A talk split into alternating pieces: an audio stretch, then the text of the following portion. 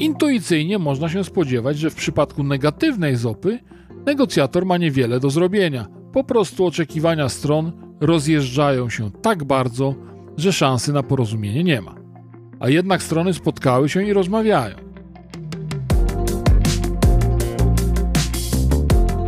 ZOPA to akronim pochodzący od angielskiego Zone of Possible Agreement, czyli w języku Mickiewicza strefa możliwego porozumienia.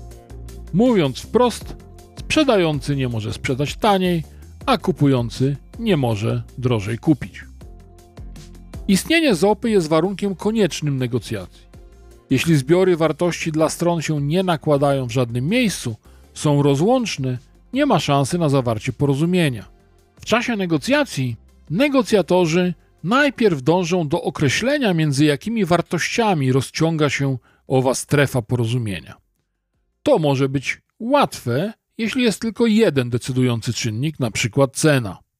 Jedna ze stron, powiedzmy sprzedająca, podaje cenę, jakiej oczekuje i sprawdza reakcję strony kupującej. Może być tak, że sprzedający i kupujący różnią się niewiele. Sprzedający nie odda za mniej niż 4900, kupujący jest gotów zapłacić maks 6400. Różnica wyniesie zatem 1500 zł. Wtedy strony przystąpią do negocjacji. Ich zopą będzie przestrzeń wyznaczona granicami 4900 i 6400.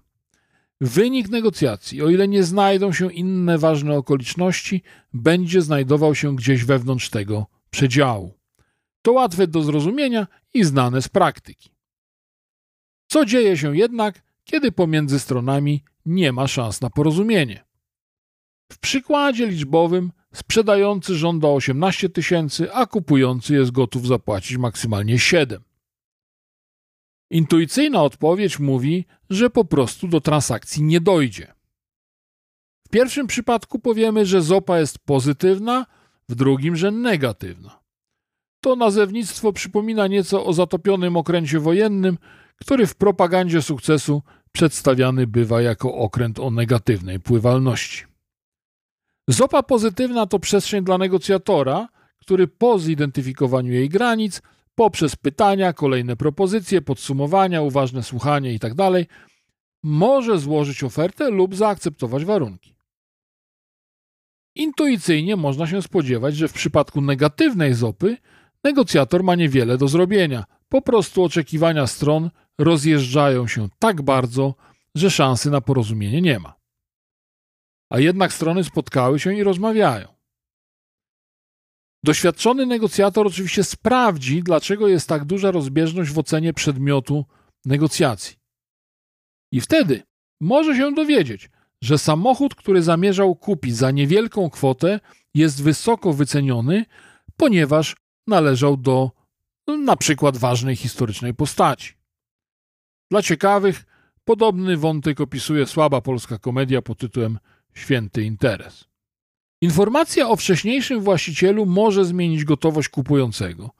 Jego granica zopy przesuwa się o tyle, o ile uzna on tę informację za ważną.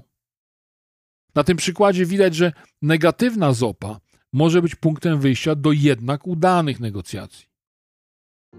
Choć sam mechanizm ZOPA jest łatwy do zrozumienia, jest to po prostu przedział, o tyle jego pierwotne określenie wymaga uwagi i starannego przygotowania. Wtedy informacja o uprzednim właścicielu auta być może zostałaby uzyskana wcześniej. Z chęcią odpowiem na Twoje pytania, jeśli wpiszesz je w komentarzach. Zapraszam Cię także do zaglądania tu od czasu do czasu. Będą się tu na pewno pojawiać nowe treści. A jeśli chcesz, to po prostu dopisz się do subskrypcji.